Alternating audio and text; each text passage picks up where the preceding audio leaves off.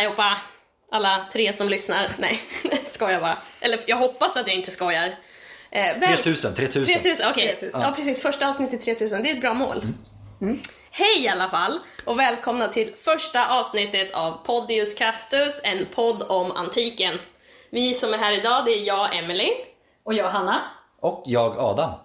Eh, om ni följer oss på Instagram så har vi en liten presentation där, där vi närmare presenterar vad podden är och vilka vi är och lite hur vi kom upp med idén och varför och sådär. Och följer ni oss inte så heter vi Podius Castus med två D och, och med C. C. Eh, och idag i det här avsnittet kommer vi prata om gladiatorer i film, alltså hur gladiatorer har gestaltats, eh, hur man ser på dem och eh, hur det har format lite vår bild av vad en gladiator är. Och ja, vi har ju då två filmer som vi kanske, en film som vi kommer att prata mer om den, än den andra. Och vi vill väl ändå lägga in en liten spoilervarning, även fast man, en av dem kanske man borde ha sett för det har varit 20, man har haft 20 år på sig. Men vi dömer inte. Eh, utan den filmen är då Ridley Scotts Gladiator från 2000. Med Russell Crowe i huvudrollen och Joaquin Phoenix som kanske är den mest framträdande av birollerna. Och den andra filmen som vi kommer göra lite små avstickare till, men inte prat, alls prata så mycket om som vi kommer prata om Gladiator. Det är Pompeji från 2014 med eh, Jon Snow i huvudrollen, Kit Harington. Eh, regisserad av Paul W.S. Anderson. Eh, och har ni inte sett de här filmerna så pausa gärna det här avsnittet nu. Se i alla fall Gladiator mm. och eh, sen tryck på play. Så är vi redo? Yes! Ja, ni har blivit varnade. Precis. Eh, men Adam, kan inte du berätta lite mer vad vilka var det som var riktiga gladiatorer? Vad, vad, vilken tid pratar vi Ja, för det är ju ändå bäst att börja från början. Ja, det, är det, är absolut, det. det är absolut ja. lättast. Så att om vi då ska bara börja liksom med en gladiator, eller två gladiatorer. För det är oftast två gladiatorer, de slåss mot varandra, de slåss på en arena inför massa åskådare. Och ja, det är en tävlingsform, det är en sport, det är, där har vi grunden. Det är, det är det vi rör oss med. Och när rör vi oss med det här då? då? Jo, eh, under den romerska republiken, de sista århundradena innan vår tideräkning tar sin början, kanske från cirkus 300-talet före, 300-200-talet före ungefär. Eh, och fram till, ja, och förbi år noll och ytterligare 300 år kanske framåt i tiden, nästan 400 år framåt i tiden. Ja.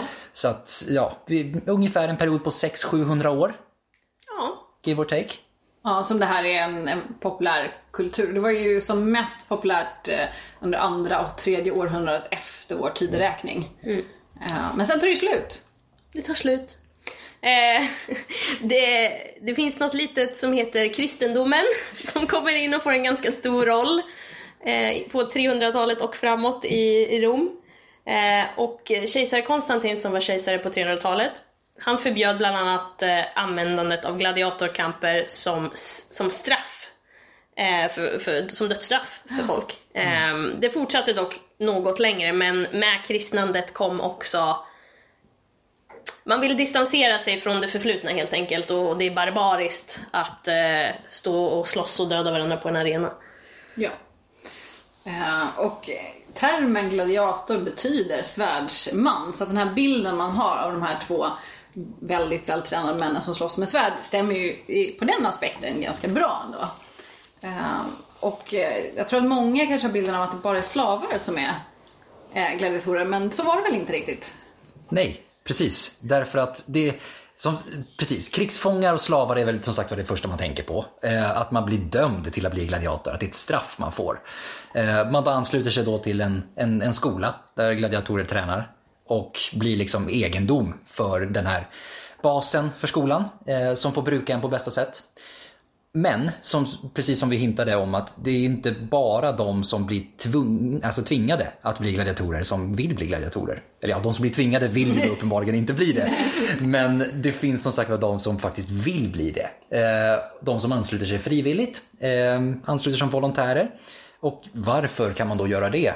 Kan man ju tänka sig då. Jo, det gör man för att eh, att vara gladiator var ungefär som att vara proffsboxare. Eh, man fick fame and glory ungefär. Man, man specialiserade sig, eh, man slogs i viktklasser, Eh, och ja, man, man blev idol till folk. Man fick eh, helt säkert ligga, man fick pengar och man fick kändisskap. Och man kunde ju ofta kamma hem vinsterna från de här matcherna så vissa blev ju ganska rika. Och det var, inte, så det var en karriärsmöjlighet, absolut. Eh, så, men det var inte bara till exempel fattiga som såg det här som en karriärsmöjlighet även om det troligen var ett bra alternativ, eller kunde ses som ett bra alternativ. Men det finns även eh, källor som visar på att det var folk i de högre samhällsklasserna som valde att bli gladiatorer. Eh, så det verkar finnas i alla fall några ur de högre samhällsklasserna som valde den här karriären eller vad man ska kalla Vi det. ska inte sticka under stol med dock att man såg på gladiatorer från den från rika klassen ungefär som man såg på skådespeleri väldigt tidigt. Ja. Det var inget man skulle bli om man var, tillhörde de högre skikten utan man såg ner på det. Och, och sen finns det ju fall där eh, folk från till exempel senatorsklassen kanske var med i ett gladiatorspel eh, till ära från någon, som, någon framstående som hade gått bort och inte var gladiator som yrke utan man deltog ett par gånger. Eh, det fanns ju ganska många kejsare som gav sig in i arenan. Eh, konstigt nog vann de oftast. Men Det är tänka oväntat, sig. eller hur? Eh, Så det hände. Samtidigt som sagt var, det är ju inte... Visst, om man säger, fördelarna över, kan, överväger kanske inte nackdelarna i de flesta fall heller. Utan det är väldigt, det är väldigt riskabelt sätt att tjäna pengar på om inte annat. Därför att varje gång du ger dig in så finns ju absolut den överhängande risken att du inte kommer ut igen från arenan. En gladiator gick väl kanske en två, tre fighter per år. Och det är kanske inte något man föreställer sig Nej. när man tänker Nej. på gladiatorer. För att, som vi också kommer komma in på senare, att det känns som att var och varannan dag är de på arenan mer eller mindre. I, så som det har gestaltats kanske i film. Utan det här är, jag menar det är snarare som sagt var, Emily drog en parallell till proffsboxning tidigare. Och det ligger någonting i det just i det här fallet också. Man, det är färre eller än fler fighter man går per ett år.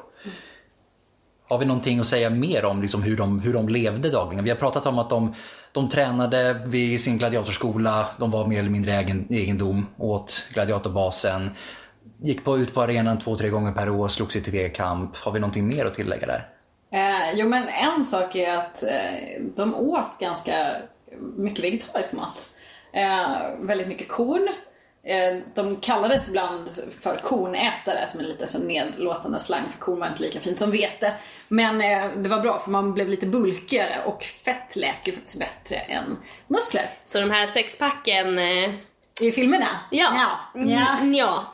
Eh, De var säkert vältränade, sure, men tänk er mer tyngdlyftning kanske än En, en Ripped. ripp- rippade Kit Harington. Ja. Eh, med åtta pack liksom. Och då, det var ju en ganska strikt träningsregim. De skulle ju Ja. specialisera sig på, eh, som, som jag nämnt, på olika vapen. De tränar olika eh, viktklasser.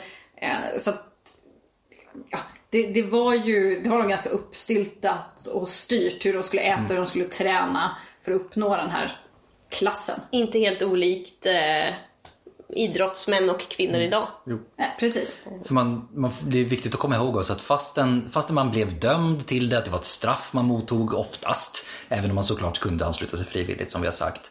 Så, och, och att det att man blev egendom åt någon så betyder det att man var ju inte liksom förbrukningsbar på det sättet. Utan det var fortfarande ett sätt för också gladiatorbasen, din ägare, att få in pengar.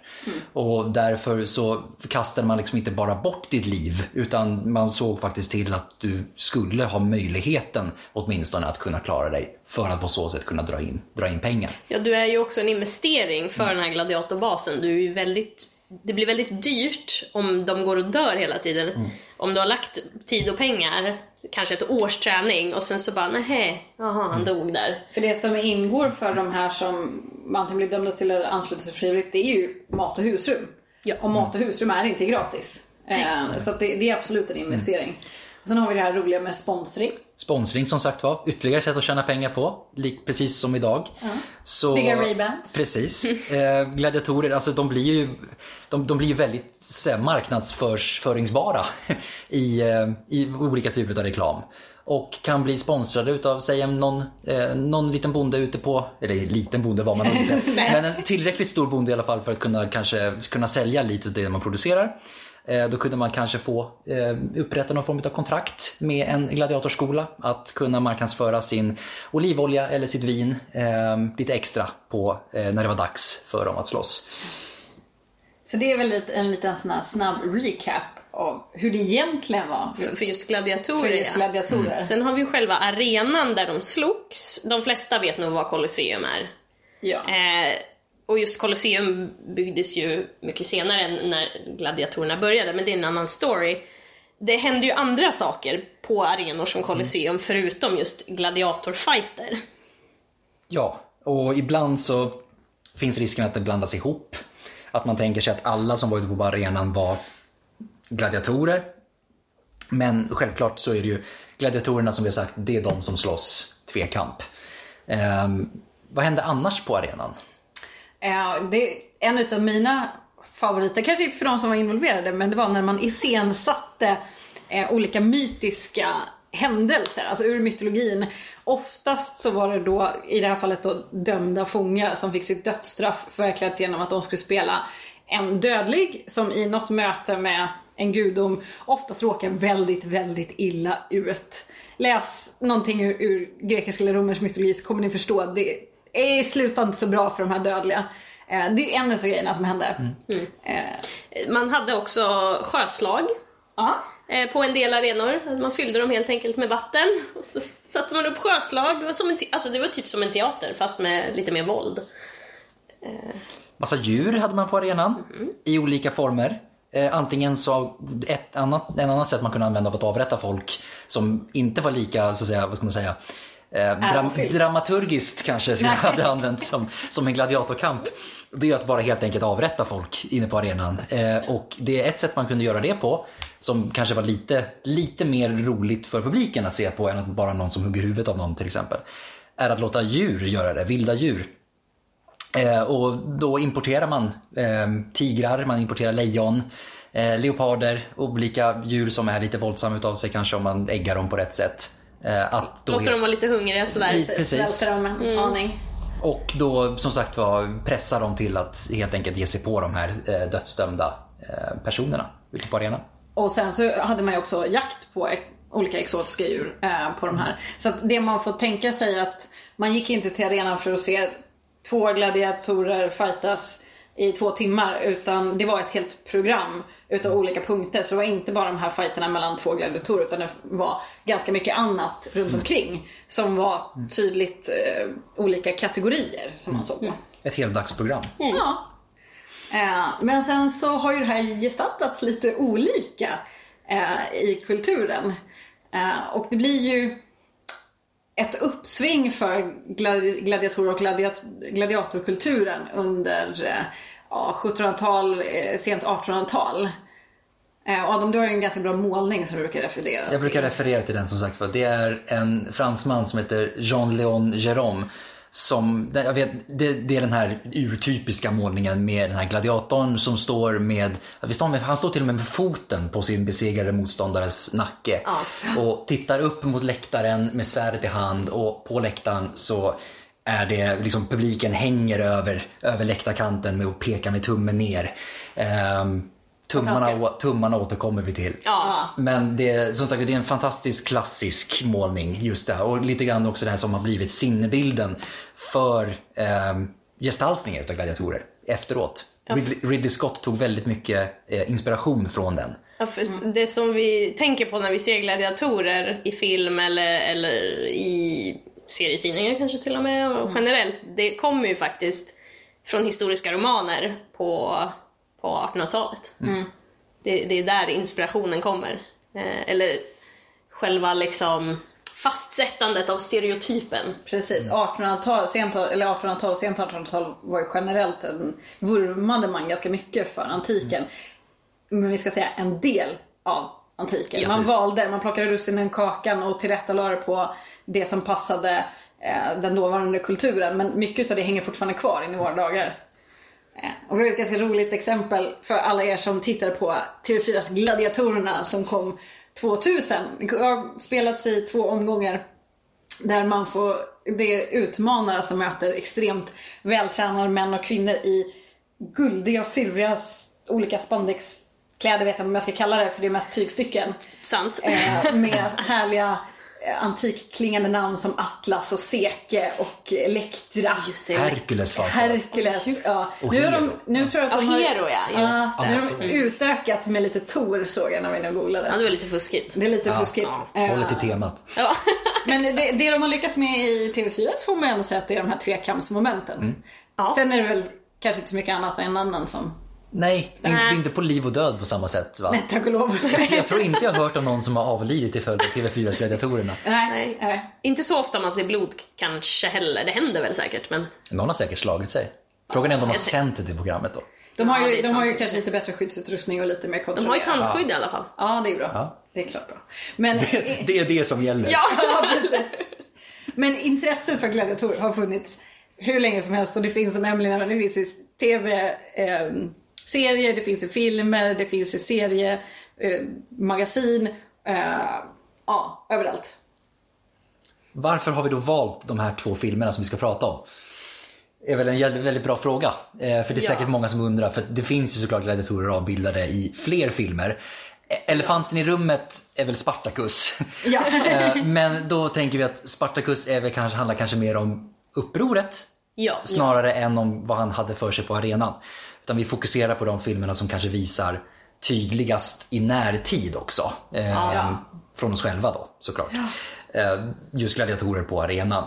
Och det här med alltså, filmer med gladiatorer, det, det är ju till och med en egen kategori inom, inom italiensk film. Men då är det inte nödvändigtvis gladiatorer från antiken man gestaltar utan det är den här, de här olika delmomenten. Det ska vara blod och sex, en martyrkaraktär, mycket svulstiga muskler, blodscener, fightscener och såklart fem fatal med tjusiga kurvor. Självklart. Eh, Det är en väldigt en filmkategori som har funnits ganska länge och som såklart gestaltats i många andra tidsepoker.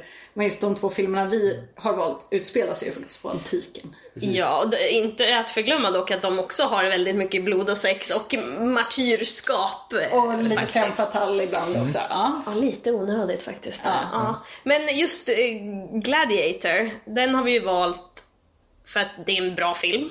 Först, först och främst, det är, Ja. det är faktiskt en väldigt bra film, även om, om den histori- inte är helt historiskt korrekt. Den är också Det är en sån klassiker. det är en sån klassiker och det var, det var ju den som kanske gjorde det modernt igen.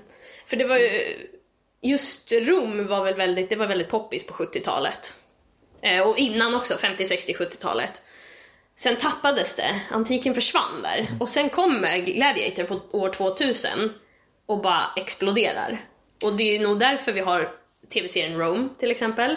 Och alla de här Spartacus Blood and Sand och Ja, just det. Och Troja. Troja, alltså alla de här filmerna som kommer efter. Ja. Förtydliga, när jag sa Spartacus förut så menar jag filmen Spartacus och inte serien Spartacus. ja, Ja. det finns två. Ja. Det finns faktiskt två serier för att han, Ja. han som hade huvudrollen dog ju i cancer så vi var tvungna att göra det nytt. Ja. Anyway, inte, det handlar inte om, om, om dem. Ehm, ja, men därför valde vi eh, Gladiator. Pompeji valde vi. Varför då?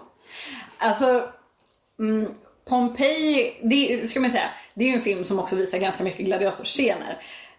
Sen ska vi inte sticka under stol med att den är bedrövligt dålig. Eh, som film, Ja. Eh, historiskt inkorrekt. Nu, ingen av de här filmerna har ju utgett sig för att vara ett historiskt eh, dokument, en typ av dokumentär. Så att vi, det är inte det vi ska mäta mot. Nej. Men de visar ju ändå en bild utav antiken och det är det vi ska diskutera. Ja.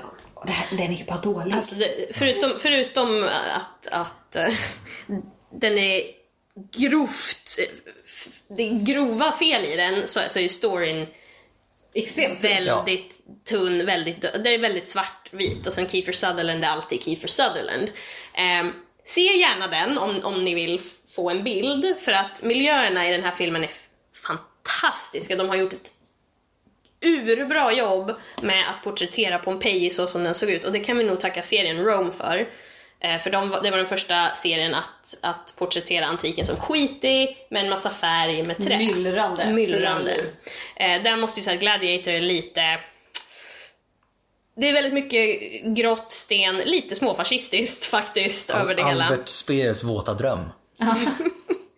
Eh, men, men just eh, en snabb eh, avstickare innan ni ser Pompeji eller efter, eller se gärna Pompeji The Last Day, som är en BBC-dokumentär, ungefär 50 minuter, som finns på Youtube.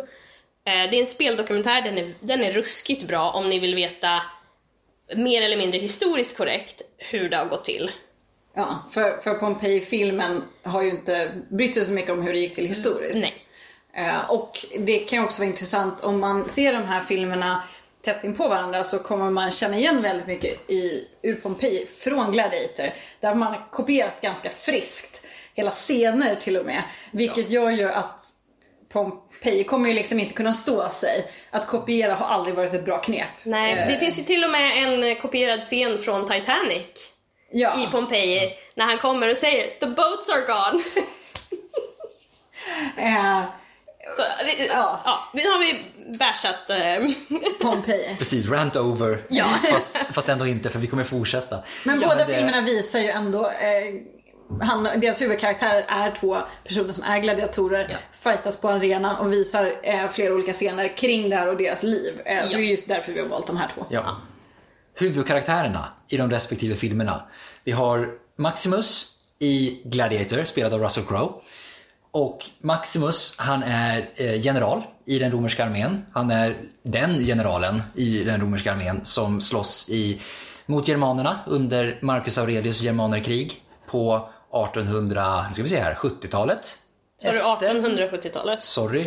1870-talet. Sorry. Jag hade två årtal samtidigt i huvudet. Jag Ja, hade ja, 180 och 770 som jag brottades med i huvudet och det blev 1870. Ja, jag förstår. Jag menar 170-talet efter vår tideräkning. Ja. Ja, 1870, då målades den här målningen. precis! Ja. då har vi fått- med det. Ja. Ja.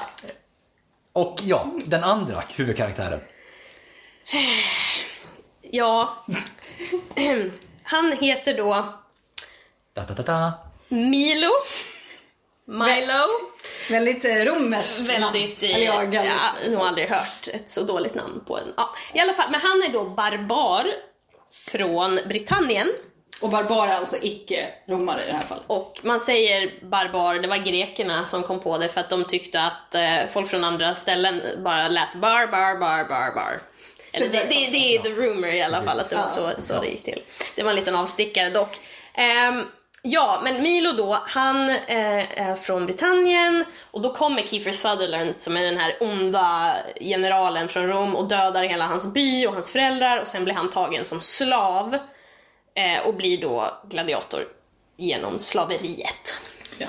Maximus, han blir gladiator genom ja, en konspiration ehm, som startas utav ja, en enmanskonspiration kanske man skulle säga till och med. Eh, vad kallas det? Ja, eh, eh, Commodus då, eh, han den unge prinsen, arvtagaren, eh, tror han i alla fall, eh, visar sig att nej, hans pappa Marcus Aurelius som är kejsare har tänkt sig att avskaffa eh, kejsardömet i och med att han dör och överlåta makten till senaten. Det här tycker inte Commodus om. Commodus är inte världens mest stabila person. Så han stryper sin far eh, och sen då vill undanröja Maximus för att Maximus är väldigt trogen eh, den avlidne kejsaren. Och Maximus var ju den som skulle ta det här till senaten i Rom och återinföra republiken. I filmen alltså. Eh, Precis, precis. Nu pratar vi om vad som händer i filmen. Nu pratar vi exklusivt om filmen. Ja. Mm. Och, så det man kan säga om båda de här två det är ju att de är martyrfigurer för båda drivs ju av det här hatet att hämnas. Eh, det som har utsatt för, de har blivit utsatta för och det som deras familjer blir utsatta för. För i båda fallen så, eh, Milos familj dödas ju när han är liten och Maximus fru och barn dödas brutalt eh, när man också försöker tysta honom.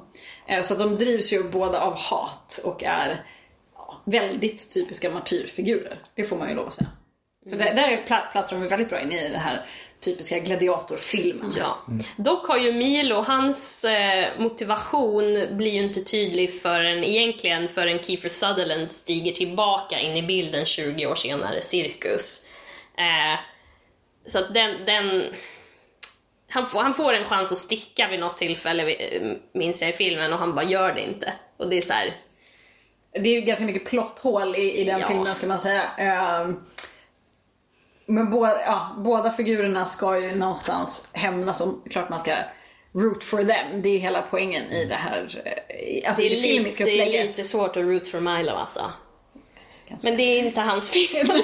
Nej, det är inte hans fel. Nej, det är det faktiskt Det, det är helt enkelt ett dåligt manus. Ja, det går liksom inte att komma ja. ifrån. Ja, ni, Eh, ni, jag hoppas vi inte låter allt för negativa. Men det, om ni ser den som en komedi så är den helt okej. Samtidigt så Ja. hoppas jag att vi faktiskt låter negativa för vi är ganska negativa. Ja. Jag tycker vi håller in det ganska Ja. Ja. Eh, sakligt. Men i båda filmerna, behandlingen av dem är ju ganska lika. Ja. Eh, båda har ju alltså eh, dömts in till att bli gladiatorer, båda är slavar, de är livegna. Eh, de behandlas väldigt dåligt. Både av eh, de som äger eh, de här gladiatorskolorna eh, och även de andra medgladiatorerna. Det är ganska mycket misshandel och eh, mobbing och andra Det är ju inte, det är inte så mycket mjukhet i Nej, det- det ska man inte det mesta. beskylla sig för. Eh, Jag tror att Milo råkar väl mycket hårdare ut än Maximus egentligen. Ja, för han eh, slav, eh, han som har hand om dem. Mm. Av någon anledning som man aldrig kan lista ut har han en jättestor beef med gladiatorerna och typ hatar dem utan anledning. Eller han kanske har en anledning, vi får aldrig veta varför. Nej. Och det, det går ju stick i stäv med det vi sa innan. Att de är värda ganska mycket pengar. Precis. Ja. Och Och en- framförallt de som är, eh, att döma av de här båda två karaktärerna, om ni har sett filmen, de är ju väldigt vältränade. Som kanske inte var historiskt korrekt, men de är, alltså, de är också väldigt duktiga på att slåss. De skulle ju vara eh, den, liksom, den bästa gladiatorn i det här stallet. Ja. Det här är ju som den bästa kapplöpningshästen. Det är ju ingenting man, den misshandlar man ju inte i onödan. Eh, För då presterar de inte. Nej. Och sen eh, så ju, speciellt, nej det är kanske båda filmerna, men speciellt i Gladiator tänker jag på, eh, som vi har pratat om, att eh, eh, man slänger in lite vem som helst tillsammans. Alltså man slänger in ett gäng och sen är det, jag kommer ihåg den scenen, då är det en, han är jättenervös och så kissar han på sig för han har aldrig slagits i hela sitt liv. Eh, och då, då är ju precis de här gruppfighterna, fine, det kanske skulle vara någon som aldrig har slagits, men då slänger vi inte in, som du säger, våran liksom stjärna Nej. Eh, tillsammans. Och vad säger vi om gladiatorer i grupp? Ja, det är ju inte gladiatorer. Nej. Nej.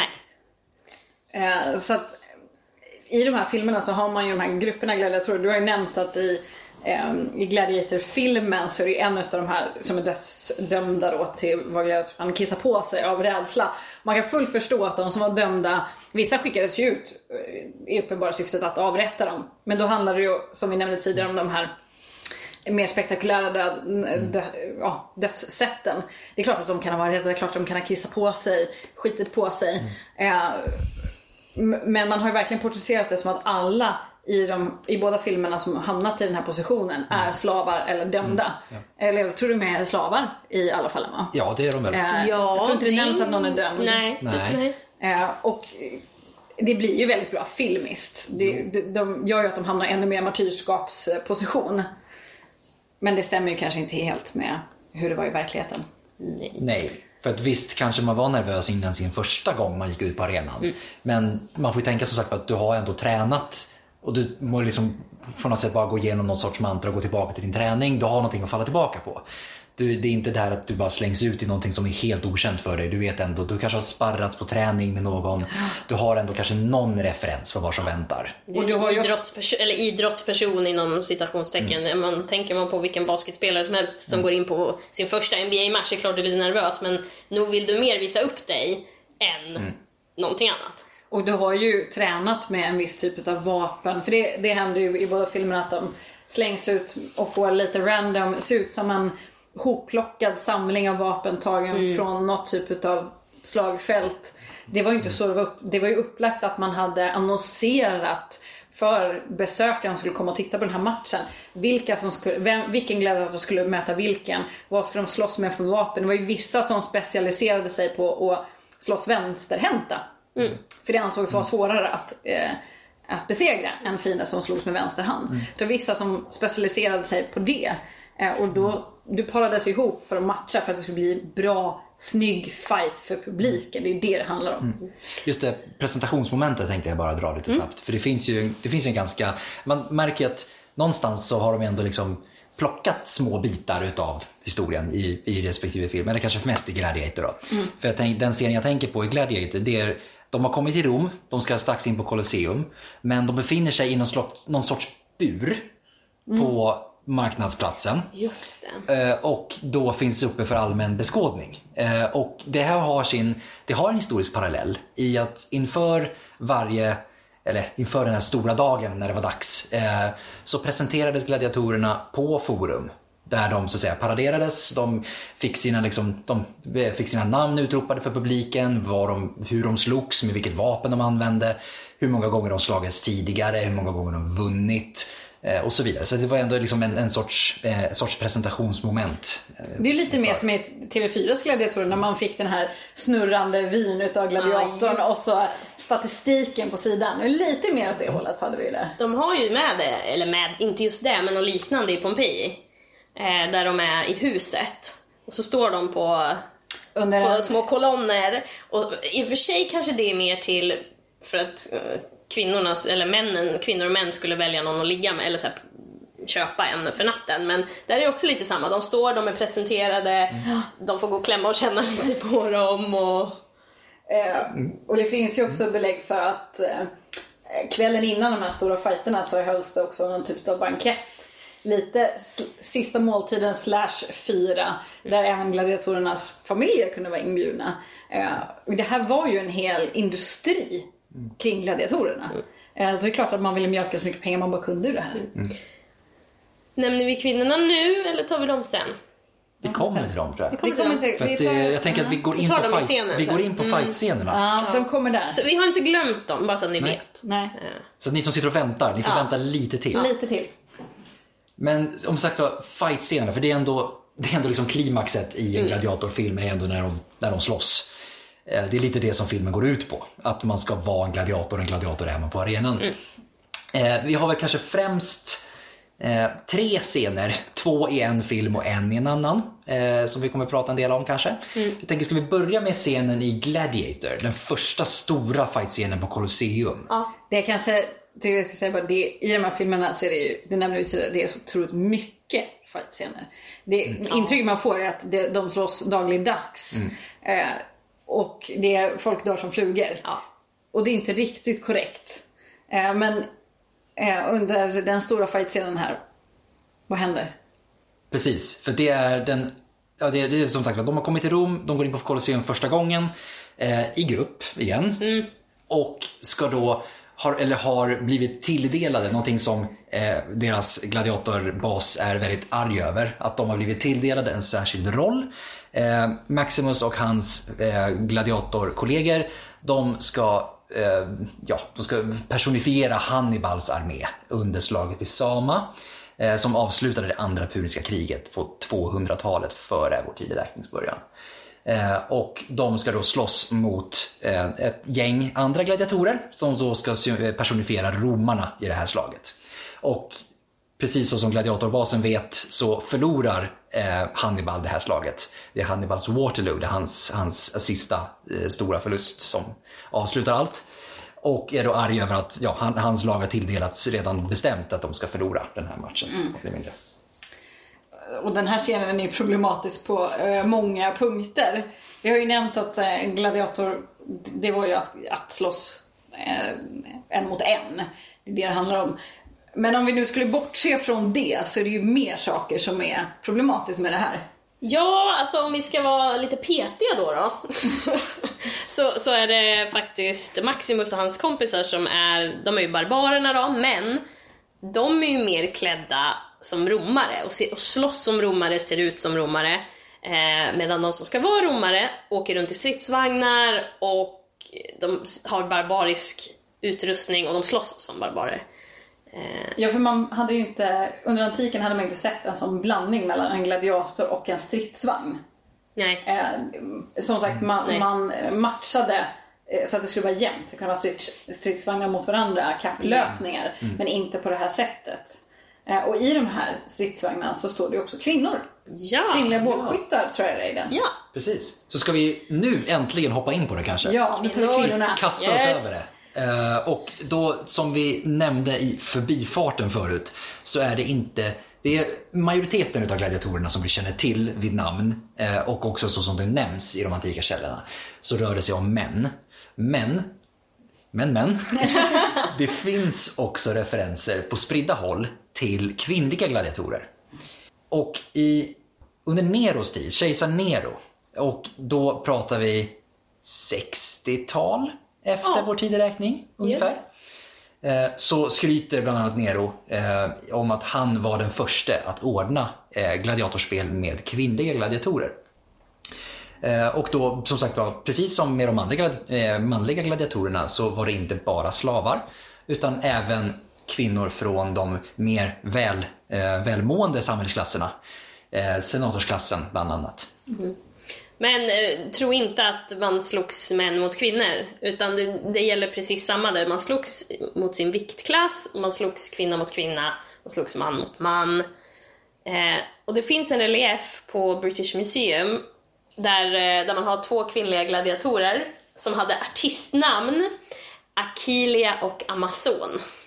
Så det, det kan också nämnas att de hade alltså artistnamn. Det här var ju Ja. verkligen deras Greta Garbo kanske. Det finns ju faktiskt också graffiti där, där folk har ristat in typ att den här gladiatorn är så snygg eller honom har jag legat med eller alltså det är precis som, som idag med, med idoler. Eh, Och det, att man inte slogs män mot kvinnor handlar ju till, till ganska stor del eh, kring eh, idén om att dö som en romare, att dö med ära. Eh, och, man har ju en kvinnosyn och en mansyn, en, en syn på kvinnligt och manligt som inte riktigt går i förenligt med att, att en män skulle döda kvinnor. Eller ännu värre, att en man skulle bli dödad av en kvinna. Gud förbjude. Eh, Gud förbjude, precis. Så att det här hålls eh, separat och det var ju inte alltid populärt med kvinnliga gladiatorer. Eh, det kommer bland annat förbud mot kvinnliga gladiatorer under kejsare eh, Septimus Severus. Eh, men eh, det, det dyker upp som Adam sa lite här och där i källorna. Vi har artistnamn, vi har dem avbildade. Men det, den stora majoriteten var ju män. Det verkar liksom inte ha slagit igenom på något sätt sådär Nej. jätte, jättestort i alla Nej, och fall. precis som i modern tid så, alltså vi pratar ju också 700 år som sagt. Kvinnosyn och manssyn och samhällssyn ändras ju. Den, den, bara för att det är två- 2000 år sedan så betyder det inte att den var samma under 700 års tid. Precis. Så att som sagt var, gladiator, eller de kvinnliga gladiatorerna i Gladiator, de borde i så fall ha slagits mot varandra kan vi sluta oss till. Om Ja. Inte, inte uppblandat så som det var uppblandat. I och för sig, år 2000 kanske man ska vara glad att det ens fanns med kvinnor. Så att, Eh, I filmen ja, ja. absolut. Ja. ehm, Herregud ja, absolut. men de klarar inte Bechdel-testet. Nej. Det gör de inte. Det gör väl i och för sig inte Pompeji är ju definitivt... Nej. heller, för hon pratar med sin mamma där, men det är väl bara om killar, Jag tror det. tänker jag. Ja, svårt, Ja. svårt att tänka mig att någon av dem klarar det. Nej. Ska vi prata lite om den här tummen då som vi tog upp när vi pratade om målningen? Tummen, ja. Den ikoniska tummen. Den här Ikoniska tummen. jätteikoniska tummen som, som sagt var, som Emelie sa, med målningen och har liksom influerat hela den här tanken om att det är publiken och kanske kejsaren främst som liksom styr det här utfallet. Och till viss del så stämmer det absolut. Men Gladiator var som sagt var inte nöd, nödgad att dö ute på arenan. Det var stor risk för det absolut, men man, varje kamp slutade inte med att någon dog. Det kunde lika gärna sluta i ett oavgjort resultat. Båda fick lämna. Eh, och allting berodde på hur väl man, ja, hur, hur väl man bjöd upp till kamp. Hur mycket, under, hur mycket underhållning man bjöd på. Gav, gjorde man bra ifrån sig, såg till att få publiken på sin sida, eh, så hade man väldigt stor chans att klara sig med livhanken från arenan.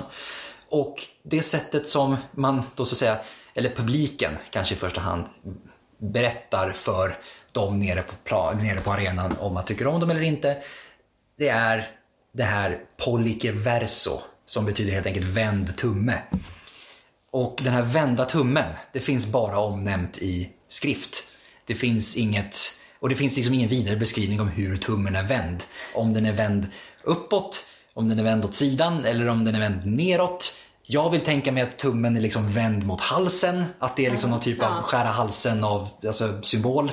Ja. Ehm, men som sagt var, det, det har liksom bara tagit fart, hela den här biten. Det finns omnämnt bland annat att kejsare Claudius på 50-talet efter vår tideräkning visade tummen i samband med att han fäller den avgörande domen i en gladiatorkamp till exempel. Och som sagt var, vad det betyder är då upp, up for grabs. Sen är det ju, får man ju ändå tänka sig att det är stora arenor, eh, det fanns alltså domare eh, nere på, på plan vid gladiatorerna som var med och avgjorde hur det skulle sluta. De kan inte ha sett alla personers tummar. Man får ju anta att om de jublade eller buade. Det är ju Ja. en ganska sån klassiskt sätt att visa missnöje eller glädje. Ja, det är en ganska stor arena. Alltså, Ja. det får plats många tiotals tusen. Eh, men, Men det är ju det, alltså, det är ju väldigt dramatiskt i Gladiator, måste jag säga. Ja. ja, det är Och, en och dramatisk speciellt när, när publiken går emot Commodus för han ska bara ta livet av honom och sen så bara hyllar de eh, Ma- Maximus. Han kan inte annat än så här surt, skakigt vrida sin tumme uppåt och rädda honom. Som sagt var, dramaturgiskt är det oslagbart. Ja. Och det här med eh, det här uttrycket att vända tummen. Det finns ju inte i alla källor heller. Nej. Eh, det finns i ett fåtal källor. Så att det är också, vi pratar om att det här var en, en period på flera hundra år. Det här är ju traditioner som antagligen har gått upp och ner och hur mycket det används Ja. kan vi tyvärr inte avgöra idag. Ska man också nämna just det här med att, ehm, för att som i Gladiator, om vi ändå kvar, håller oss kvar vid tummen, så verkar det som att det är Commodus som på något sätt har sista ordet. Ehm, och där finns det, det finns paralleller till då vad som nämns i historiska källor. Kanske inte då främst till fråga om liv och död. Utan kanske fråga, en fråga om huruvida gladiatorn faktiskt blir frisläppt från sin tjänstgöring som gladiator, från sitt straff som gladiator. Eh, att det kanske är publiken som ändå har liksom det, ja, kejsaren kanske inte bryr sig jättemycket om var och varannan gladiators liv, levande eller icke. Eh, men att han kanske ändå har en, något finger med i spelet när det kommer till att frige en gladiator. Det finns en berättelse eh, som är bevarad. Eh, det kommer inte jag faktiskt ihåg om det är Juvenalis eller Martialis. Men det kan vi, det kan vi kolla upp och återkomma till er om. I alla fall så är det kejsare Titus eh, som är den kejsare som inviger Colosseum på sent 70-tal, tidigt 80-tal eh, efter vår tideräkning. Som då helt, det har varit en väldigt tight kamp mellan två gladiatorer. Som har varit så pass underhållande att publiken tycker om båda två precis lika mycket. Och liksom vill verkligen att, herregud, de, de måste få liksom cred för det här. Eh, och det slutar med att Titus belönar dem med sin frihet. Vilket är den största belöning man kunde få i det här läget. Eh, och hade du tur då ha varit, eh, haft en bra gladiatorkarriär kanske du till och med hade en del tillgångar när du väl eh, kom ut och kunde pensionera sig. Det finns alltså källor som pratar om gladiatorer som har pensionerat sig och återkallat sin tjänst eller levt ut sina dagar. Eh, som, Ja, för till skillnad från eh, de antika grekerna, främst atenare, så var romarna väldigt frikostiga med att fria slavar. ja, Det var inte helt ovanligt alls. nej. När vi ändå är inne på gladiatorer som återkommer från, ehm, Åh, från sin Gud. pension. Ja, just det. Ska vi gå in på den när Ja. vi ändå är igång med det, när vi ändå är inne på temat? Ja, kör hårt. För att det är ju, om jag säger så, den, jag tror vi kan vara ganska överens om att den, den scen i de här två filmerna som kanske kommer närmast verkligheten, det är då tvekampen som Maximus utkämpar mot den här tidigare pensionerade gladiatorn som har återkallats enbart i hopp om att han kommer att vinna mot Maximus och döda Maximus. Tigris heter han. Ja. Tigris från Gallien. Bitikor. Precis. Men eh, han hade väl varit pensionerad i typ fem år tror jag. I filmen. Ja. Kanske lite överdrivet. Och- Lite länge. Och blev väl också liksom tvingad från sin pension. Ja, det var jättesynd om honom. Ja, Han var inte Stackarn. jätteglad tror jag. Nej, han dör. Eh, Ja, spoiler! ja. Men han är ju faktiskt lite bulkig va? Han är lite smås. Ja, lite- han är Nästan lite lite, fett, fettig liksom. han, är inte, han har inte deffat inför... Alltså, inte han, skulle, han skulle läka bra. Om han inte hade dött. Ja. Ja, Såklart. man, man, kan inte, man kan inte läka från allt. Det, Tyvärr. Problematiskt det där. Men, men det är ju den scenen i båda filmerna som kommer absolut närmast hur det skulle kunna ha sett ut. vet ni vad, han dör ju inte alls. Inte? Nej, han dör ju inte alls. Åh nej! Här sitter vi och ljuger. Vi sitter och ljuger. Vi, vi är mycket grymmare än vad Ridley Scott är i det här fallet. Tigris överlever ju. Just det, han kastar väl svärdet eller något sånt. Det. Det är Han är då- på väg att mö- Just det. Det är då Maximus trotsar Commodus. Ja. För att Commodus blir trotsig och säger att nej men herregud, död, han har Ja. liksom gjort dåligt ifrån sig, döda honom.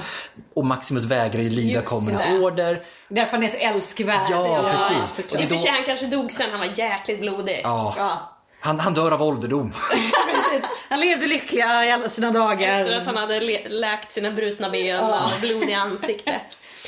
Men ja, nej sorry ja. Han dog Men hur är, det med, hur är det med scenerna i Pompeji? Nu har vi ju ändå pratat om filmen Gladiator ganska länge. Men Pompeji då? Nu kommer Där har vi ju också fight-scener. Eh, inte lika minnesvärda skulle jag vilja påstå. Eller minnesvärd just för att det är en rak kopia nästan Ja, absolut. av gladiatorscenen där.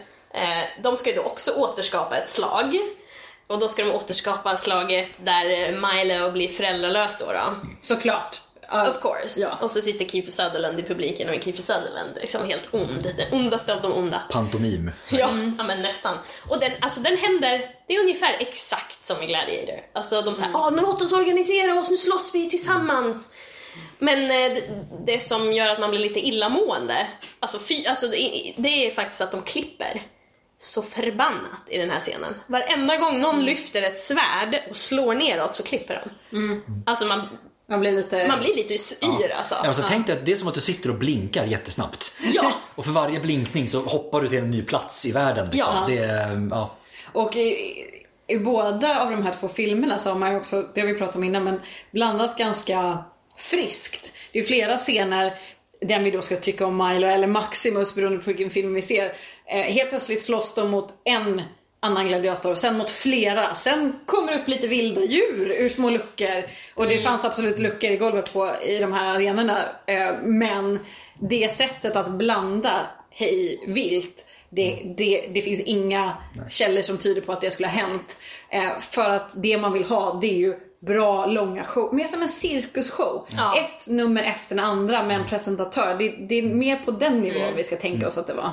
Eh, istället för att man bara blandar lite friskt för att det satt någon ond romare högst upp och, och tyckte illa om den som slogs. De hade nog inte superstor koll på. Jag tvivlar. Eh, jag kom precis att tänka på att i bägge filmerna, eller ja, just i Gladiator, Maximus säger ju inte sitt namn förrän ganska sent.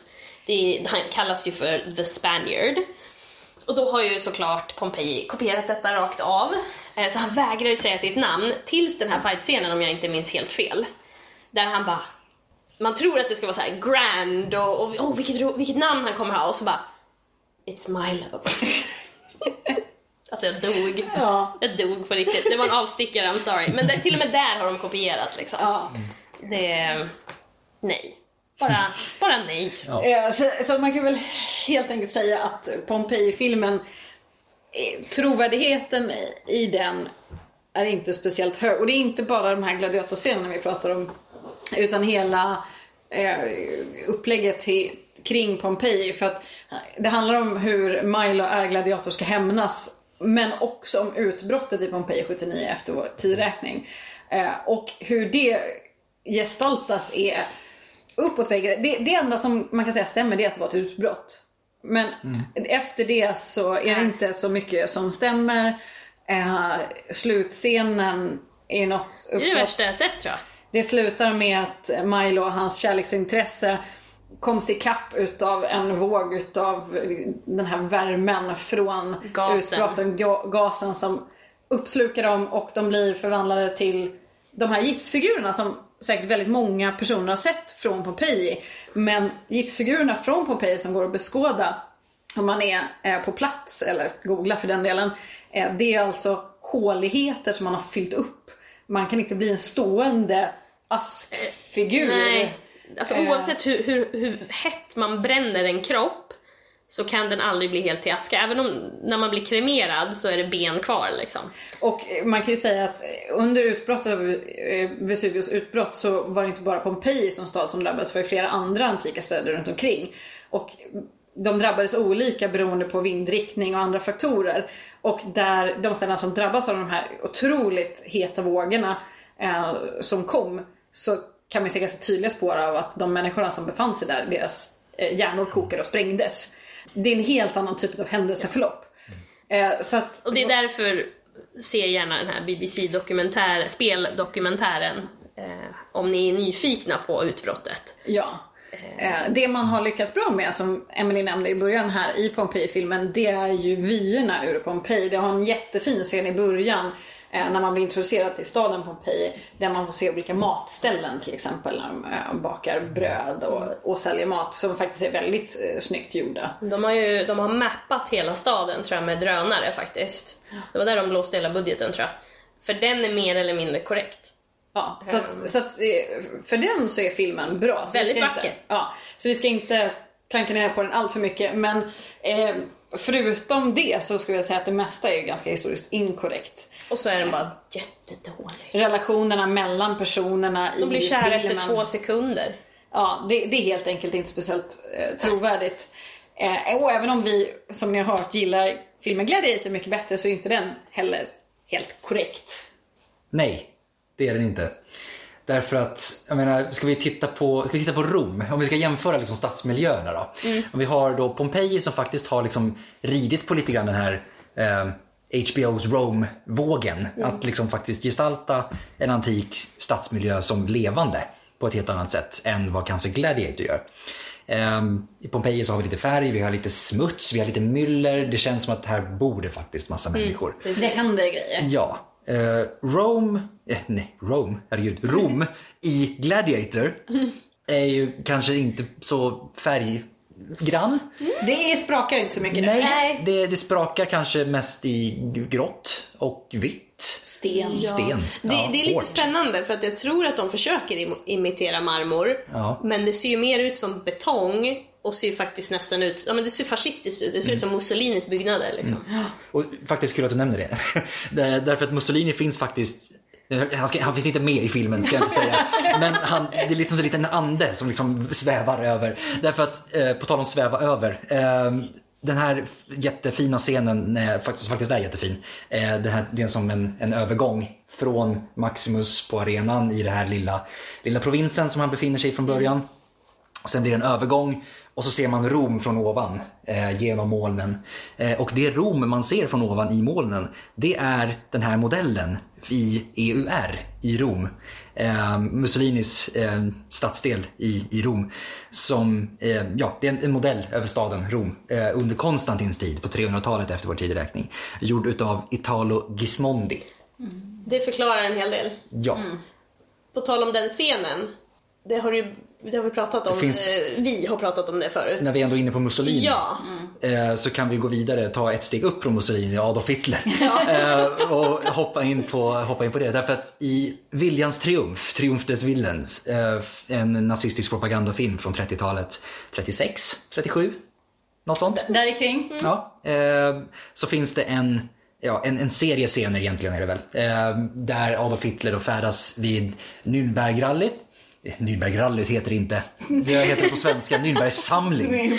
Ja, det, på, sven, Ja, ja. på svengelska heter det Nürnbergrallyt, men det var inte så att säga, man, man, man körde inte bil runt, eh, runt Adolf, Adolf Hitler. Eh, utan det är då en scen som sagt var där Adolf, Hitler eh, anländer till en stor folkmassa och tar emot folkets jubel och blommor från små barn och allt är jättegulligt och fint och nazistiskt. Och Sen så sagt så finns det en fantastisk motsvarighet till den här nästan, alltså, inte riktigt bild för bild men Nästan, nästintill. alltså. Det är lite läskigt. Eh, som då är en spegling och det är Commodus eh, an, eh, ankomst i Rom eh, efter då att han återkommer från, från fronten. När han har mördat sin far. Ja, Ja. och han mottar folkets glåpord eh, ganska mycket. Och sen liksom just då går upp mot eh, senatsbyggnaden eh, på ungefär samma sätt som Adolf Hitler gör i den här propagandafilmen. Så det är liksom intressanta speglingar i hur man väljer att gestalta sina respektive eh, ja, antagonister ska vi inte säga, för Adolf Hitler är väl inte antagonisten i Viljans Nej, triumf. nej. Men hur, hur, man, hur man väljer att gestalta huvudpersonerna i varje scen. Ja, och just år 2000, alltså det här kommer vi ta upp i ett annat avsnitt sen, eh, om antiken och färg. För det som man föreställer sig när man pratar om antiken är att allt var vitt och det var marmor. Eh, och det stämmer ju verkligen inte, utan det var mer som i tv-serien Rome. Allt var målat, det var skitigt, man höll på att bygga precis som, precis som idag. Alltså, det var byggnadsställningar överallt och slitet. Och, men eh, år 2000 hade man inte kommit ikapp än. Nej. Och det, det har ju Ridley Scott tog ju hjälp av, vad, vad, vad har vi sagt nu då? Tre, Tre, tre jag, tror- jag tror vi kom överens om att det var Ja. tre. Tre. Eh, och När han skulle göra när han skulle filmen. göra filmen skiter i mycket av vad de säger just för att han tycker att det inte tro- kommer bli trovärdigt för publiken. Just på grund av hur man tror att antiken såg ut eller var. Det- Den bilden som vi har ärvt från 1800-talet är så starkt inpräntad hos folk som egentligen inte ens tänker på antiken. Men vi har fått det med liksom, i kulturen på så många olika sätt. Att saker som forskare idag med ganska stor säkerhet kan fastställa känns så aparta. Vem skulle idag tänka att namnet Dorist är antikt? Ja. Vi kan säga att det är antikt. Eh, till exempel, det finns hur många exempel som helst på det. Det är en fantastisk paradox om inte annat. Att liksom det som är historiskt upplevs som anakronistiskt. Ja. Att det som faktiskt är belagt av, alltså i olika fall, eh, antingen antika källor eller antika monument eller arkeologiska lämningar, eh, faktiskt så inte är anakronistiskt utan att det är historiskt. Men att en modern publik kan uppleva det som så baserat på ens egen bild av antiken. Men det är lite det vi vill åt också ibland med den här podden faktiskt, att påvisa att vi är faktiskt inte jättelångt ifrån varandra. Man hade samma typer av känslor, man hade samma typer av evenemang. Eh, alltså de är, vi är mer lika än vad vi tror, även fast det skiljer ungefär 2000 år mellan oss. Eh, och eh, som vi pratade om det här med, med till exempel färgen så är det ju vissa saker som båda de här regissörerna har valt att som de vet om men de har struntat i eller valt att inte ha med för att det skulle uppfattas som anakronistiskt. Sen finns det ju grejer de gör för det rent filmiska, det dramaturgiska. Till exempel som man drar de här, jag vet inte om jag var medveten om antagligen parallellerna till Hitler. För när man utmålar en skurk, då ska han vara skurk. Ja. Och det har man ju verkligen eh, gjort extremt, framförallt eh, skulle jag vilja säga i Gladiator-filmen. Där är ju eh, kejsare Commodus eh, absolut i sitt eftermäle anses vara en ganska dålig och halvgalen kejsare. Men så sågs han inte när han kom till makten. Och han mördade, det finns inga belägg för att han skulle ha mördat sin far utan istället så regerade de tillsammans i tre år innan Marcus Aurelius gick bort. Och det var under extremt lång tid uttalat att Marcus Aurelius eh, skulle överlämna makten Ja. till den son som hade överlevt barndomen. Eh, Så där har man ju valt att krydda till historien lite och den blir väldigt tillkryddad. Eh, och man fortsätter ju verkligen på det här ond, ond, ond temat. Eh, man slänger in lite incest, hintar om incest. Ja, och det är så onödigt. Det kom, för det kommer ju också ganska sent va? I Ja. filmen om jag inte är Ja, helt ute och cyklar. Och det är så här, han är creepy nog utan att vi måste så här hinta över att ah, jag vill ligga med min syrra.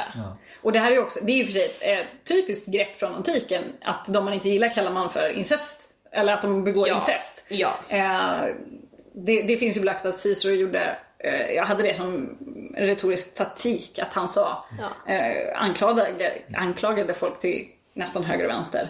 Eh, Ja, historieskrivning under antiken kan vi ju, eller his- historieskrivning fram tills för inte så många år sedan alls, under alla de här tusentals åren, inte direkt historieskrivning neutralt, utan folk hittade på lite hej vilt beroende Ja. på vad de tyckte om någonting eller hur de ville att det skulle vara.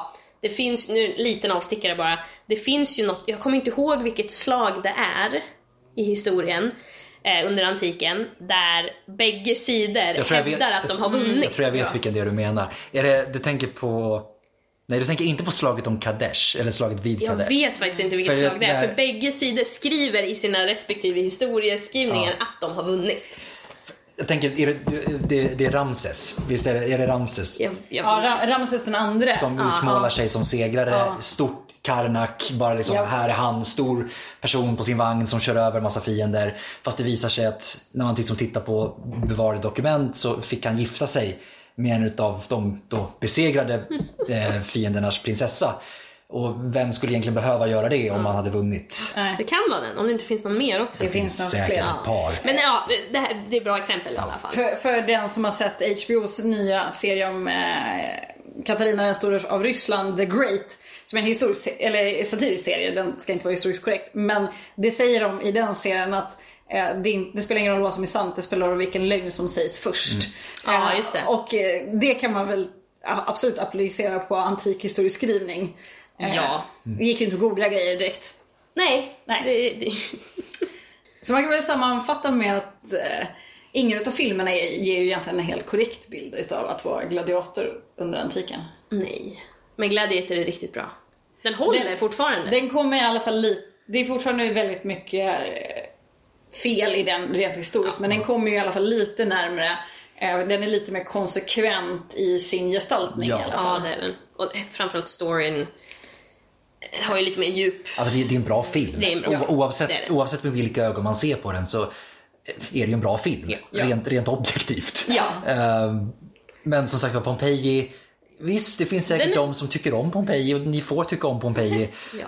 Vi tycker inte om Pompeji. Men Alltså, man kan ju det- se en utveckling mellan dem. Ja, det kan man I just det här med miljön. Ja. Det är ju väldigt kul. Ja, För den är, den är fantastiskt fin. och det, jag tycker det är en så positiv grej man kanske får ta med sig ändå. Att det är liksom Mm. Det är ändå det här liksom, man säger, Rome blev ganska mycket av den här liksom skiljelinjen mellan det gamla sättet att se på det, om man säger då Ja. gängse sättet att se på det Ja. kanske.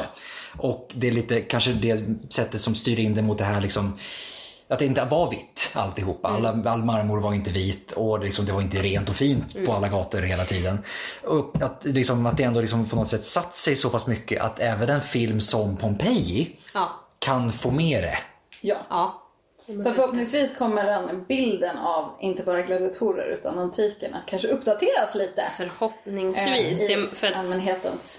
på 1700-talet, det var då man hittade väldigt många av statyerna. Och väldigt mycket, och man var väldigt intresserad. Och då hade de ju färgspår på sig. Det finns ju fortfarande på vissa museer eh, färgspår på de här marmorstatyerna. Men man, eh, helt sonika tvättade de ju. Men- Eller slarvade bort en arm om man inte tyckte att den var så snygg. Ja, eh, man tvättade dem. Alltså man tvättade bort färgen. Och man visste, man visste att det var färglagt. Men man tvättade bort den och sen dess så har man inpräntat den här vita... Eh, men det tar vi, det tar vi en annan Ja, eh, gång. Vi kommer grotta ner oss i det också. Färg, färg är återkommande. Det Stay är tuned. absolut. Ja. Är det någonting mer som vi vill nämna? Nu har vi gjort lite, vi har liksom pratat runt filmerna en del. Vi har pratat bland om gladiatorerna, dels i filmerna och i historis, alltså de, ja, de historiska gladiatorerna. Finns det någonting som vi känner så här rent spontant att vi kanske har, inte kanske glömt, men förbisett? Alltså vi, vi kommer ju vad det lider att ge oss kast med att prata om gladiatorerna under antiken. Då kommer vi få minst ett helt eget avsnitt eh, eftersom det finns mycket mer att säga. Men det lämnar vi till eh, framtiden. Där kan vi komma in lite Gud, mer på har, det finns så mycket ämnen så att man... Ja. Och på tal, på tal om det då, då, då kanske vi ska se gladiatoravsnittet avslutat. Vi, yay, vi klarade första avsnittet. Eh, att om ni har något ni vill höra, om ni har ett ämne som bara "Åh, det här skulle jag vilja veta mer om. Eh, skriv till oss på podiuscastus.gmail.com eller på Instagram, podiuscastus. Eh, Följ eller, oss bara, gärna där. ja, eller ställ frågor bara. Eh, får ni jättegärna Ja, göra. Så kan vi svara på dem. Så gott vi kan. Ja. Vi kanske hittar på något svar om vi inte kommer på det. Ja, kan de göra det i film? Kan Ja, bli? absolut. Ah, nej. Vi, vi ska... Nej, nej. Eh, vi Vi, vi, vi är snälla. Ja. Vill ni ha lästips så kommer vi också lägga upp eh, sånt på eh, vår Instagram när vi har läst bra böcker i ämnet. Kanske sett någon ny bra film om det kommer någon. Ja, det eller någon dålig, eller någon dålig film. Eller någon dålig för den delen. Vi kan ju lägga upp en länk till BBC-dokumentären faktiskt. Det kan vi göra. På Instagram. Mm. Eh, så gå in på vår Instagram, det tåls att sägas igen, Podiuscastus. Eh, så hittar ni ja, all information där helt enkelt. Ja. Då är vi, då är vi Ska klara. vi säga tack för oss? Men Tack titta, för oss för den här gången. Ja. Det gick ju skitbra. ja, tack för att ni har lyssnat. Och vi På ses. återhörande. Ja, på, ja precis. Inte På- på, jag tänkte säga på återseende. Ja, då får vi alltså se i alla fall lilla det, buffrandet. ja. Och kanske om ni har liksom så här något, någon mjukvara som visar ljudvågorna så är vi ju väldigt nära. Visuellt på plats. Ja, precis. Det är sant. Anyway, Ja. tack för oss. Vi ses och hörs. Ha det bra.